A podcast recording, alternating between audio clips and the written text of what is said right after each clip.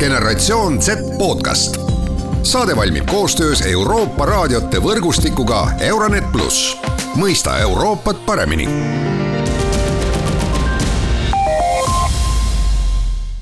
tere, head kuulajad, Euroneti Gen Z podcasti uus osa on nüüd pihta hakanud ja räägime absoluutselt mitte toredast teemast, räägime Ukrainast. mina ikkagi saatejuht Mart Valner ja mul on äärmiselt hea meel, et minuga on ühinenud täna lapse õiguste saadikud. Tuule Pihol, Inger-Paula Ude ja Marilyn Lempu, tere tulemast siia Kuku raadio stuudiosse! tere! tere, tere.! no miks me teid siia kutsusime, on see, et kui me tahame rääkida sellest, kuidas kõik ühiskonnas noori puudutab ja mõjutab, siis hästi tihti äh, räägivad äh, eksperdid omavahel, et äh, uuringute järgi noori mõjutab see ja siis niimoodi ta-ta-ta-ta-ta-ta ja läheb edasi, eks ole. me tahaksime küsida teie käest ja just nimelt noorte endi käest, äh, kas ja mis ja kuidas äh, teid mõjutab ja, ja kahjuks see teema, millest me rääkima peame või millest me täna räägime, on, on Ukraina teema ja sõda, mis seal praeguse seisuga juba pea teist nädalat käib. ma võib-olla küsingi seda, noh, vaadates enda tutvusringkonda, siis äh, need uudised, äh, esimesed päevad äh, põhimõtteliselt halvasid ülejäänud elu ja meediatarbimise, kõik istusid päevad läbi sotsiaalmeedias, blogides ja nii edasi, et aru saada, mis toimub, mis ja miks toimub ja kuidas on võimalik, et midagi sellist toimub. kuidas teid see mõjutas, äh, et, et selline asi, et selline sõda pihta hakkas? Äh, minu arust äh, mind mõjutas see nii, et see oli vaimselt meeletult kurnav, sest et noh, et ikkagi oli kahekümne neljas veebruar, Eesti sünnipäev ja siis sa hommikul ärkad, avad, avad näiteks Facebooki, on ju, ja sealt tulevad sellised uudised et see oli täiesti pauk nii-öelda, et ma üldse ei oodanud, et see nii kiiresti juhtub ja et see noh, et just sellisel päeval ka, et tegelikult see on ju eestlastele väga oluline päev ma arvan, et see oligi, oligi hästi ootamatu ja hästi hirmus, et mis saab edasi ja ega see edasi paremaks ka ei läinud ja siis oligi niisugune ootamatu hirm mm. -hmm. mina isiklikult äh, tundsin seda millegipärast ette, et meile juba tegelikult siis paar päeva enne seda olid nagu mingid märgid äh, sellest, et võib juhtuda see ja siis äh, noh, Ameerika ju ei uskunud, et see juhtub sellisel päeval nüüd olles tõesti paar nädalat neid uudiseid vaadanud, mõnes mõttes nagu räägime minevikust, kus te olite, kus see hakkas, kui see, kui sõda algas ja nii edasi ja nii edasi, tegelikult see praegu käib, eks ole, me räägime praegu käimasolevast olukorrast. kas see ärevus on kuidagi taandunud või see on endiselt alles?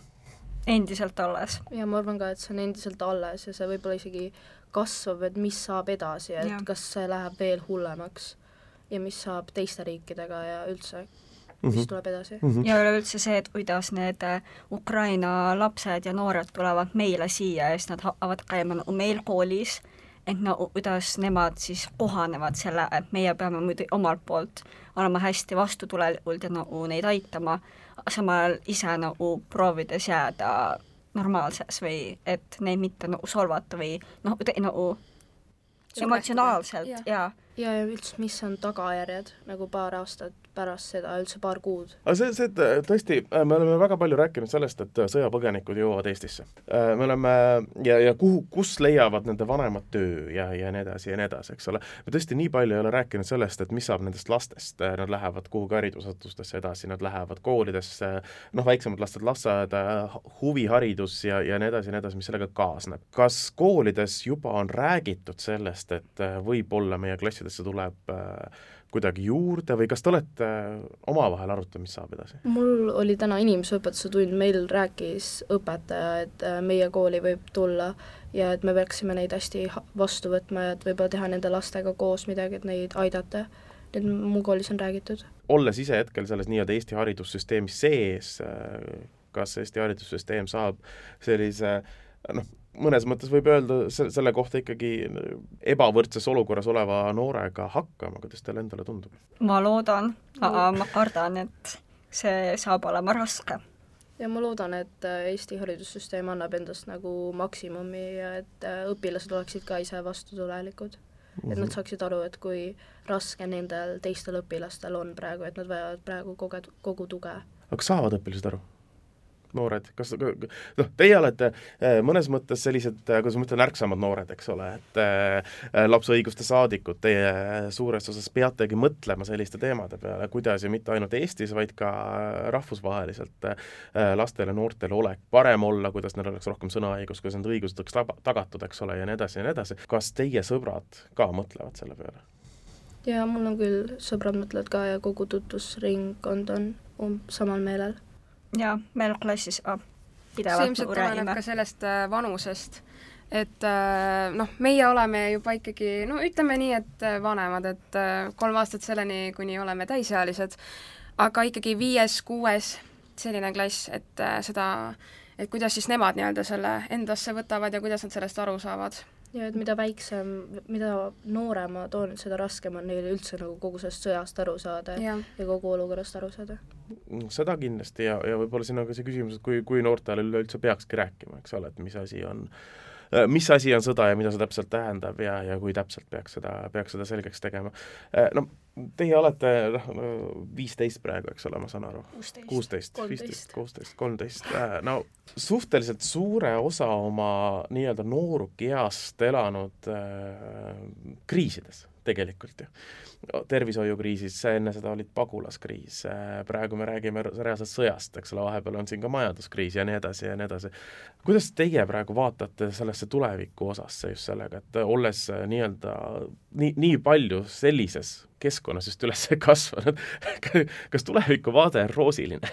ma arvan, et ei ole ja ma arvan, et ma arvan, et see kõik on meid nii-öelda tugevamaks teinud, et kui me nii-öelda ei oleks seda selles ajahetkes teinud, et siis oleks võinud meieni jõuda kuskil äh, täisikka jõudes. ehk siis, et see on mingis mõttes hea, et me oleme nüüd selle läbi teinud või noh, et me teeme seda läbi hetkel ikka veel, et siis meil on nagu mingi selline tunnetus, et milline see on, et millised need kriisid on, et äh, kuigi noh, see on väga kurb, et me praegu peame nii-öelda seda äh, sõjalist osa ka tundma, aga see nii-öelda nagu selles suhtes valmistab meid ette, see annab meile nagu teadmise, milline see olla võib et õnneks äh, me Eesti, Eesti osas veel seda osa läbi elama ei pea ja, ja., ja loodetavasti seda ka tegema ei pea kellegi meie eluaja jooksul, et äh, no kui me tõesti Ukraina teemast rääkisime, siis äh, ma tean, et te olete ka venekeelse kultuuritausta ja meediataustaga oma eakaaslaste, oma sõpradega rääkinud, kuidas nemad sellesse suhtuvad kas see suhtumine on erinev võrreldes äh, nendega, kes, kes on peamiselt äh, nii-öelda eestikeelsed meedia, meediasfääris, äh, sest et me teame, et meedia kajastus sellest, mis Ukrainas toimub, on väga-väga erinev?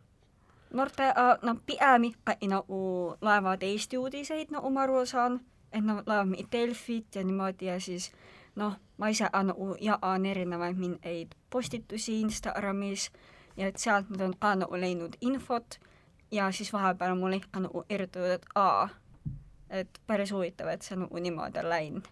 aga, aga venekeelsed noored äh,, nad äh, on, on nad ka siis nii-öelda noh, teievanused venekeelsed noored, nii palju kui teie nendega suhtlete, eks nemad on ka siis ühesõnaga Eesti meediasfääris rohkem või? jaa, ma arvan küll, et kui nad elavad Eestis, siis enamus mu sõpru on ikkagi ja eestikeelses uudiste nendes.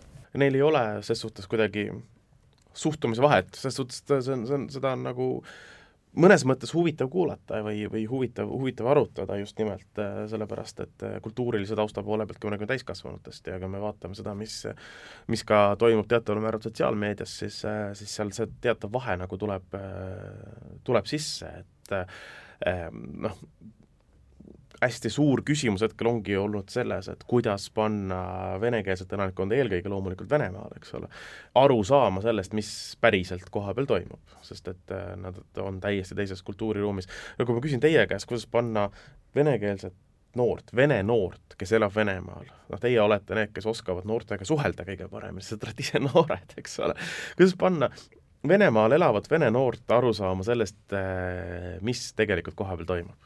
Ma arvan, et no seda ei saa teha uudiste kaudu, sest uudised levitavad valeinfot, siis võib-olla ongi sotsiaalmeedia, kus nad saavad nagu infot, sest sotsiaalmeedias ei ole ju ainult vene, venelased need, kes seda infot levitavad, vaid noored ja täiskasvanud üle maailma.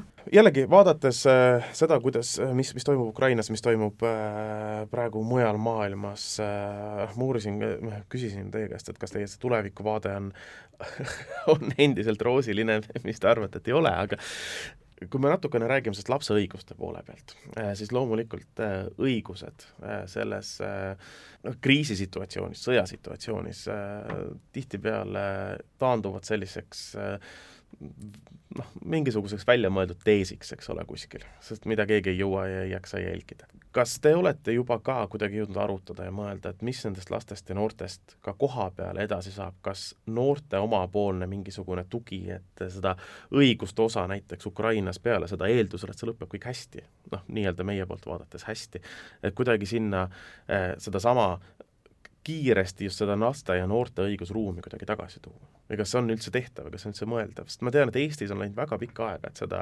nii-öelda lastele sõna anda ja noortele sõna anda, et jaa, kindlasti, aga ilmselt sellega läheb kohutavalt palju aega, sest et kõigepealt tuleb uuesti üles ehitada nii-öelda see ühiskond, sest et ju hetkel on äh, väga noh, ütleme miljonid inimesed põgenenud sealt riigist, kõik tuleb, noh, inimesed tulevad tagasi, siis hakatakse seda nii-öelda tänavapilti uuesti üles ehitama, siis äh, noh, siis alles jõutakse selleni, et meil on ju lapsed ja noored, et jõuame siis nendeni, et kuidas me nende õigustega teeme ja et äh, siis nii-öelda nende, noh, ma ei tea, see kõlab nüüd äh, natuke halvasti, et nende nii-öelda vaimset tervist uuesti üles ehitada mm. -hmm. või et jah.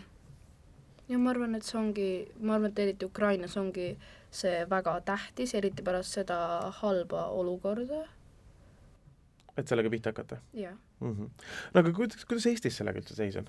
Te tegelete ju peamiselt sellega, et eesti last, Eesti äh, noorte siis äh, häält nii-öelda kõlavamaks teha, eks ole. kuidas Eestis sellega praegu seis on, kui me nüüd äh, korraks liigume tagasi, tagasi kodumaale nendest rasketest teemadest?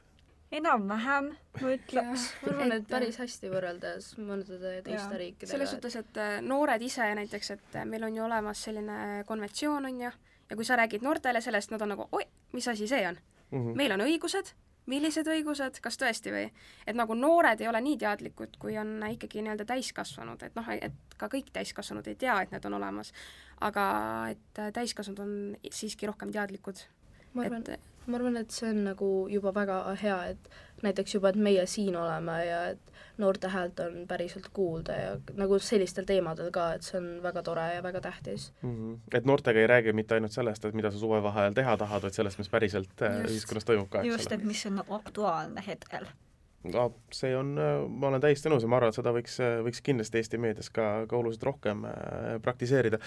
aga mul on hea meel, et te täna siia tulite ja natukene nii lapse õigustest kui, kui Ukraina teemadest rääkisite, aitäh, äh, Tuule Piho, Linger, Paula Ude ja Mari-Linn Lempu täna tulemast! suur tänu! jah, suur tänu kutsumast! generatsioon Z podcast saade valmib koostöös Euroopa raadiote võrgustikuga Euronet pluss, mõista Euroopat paremini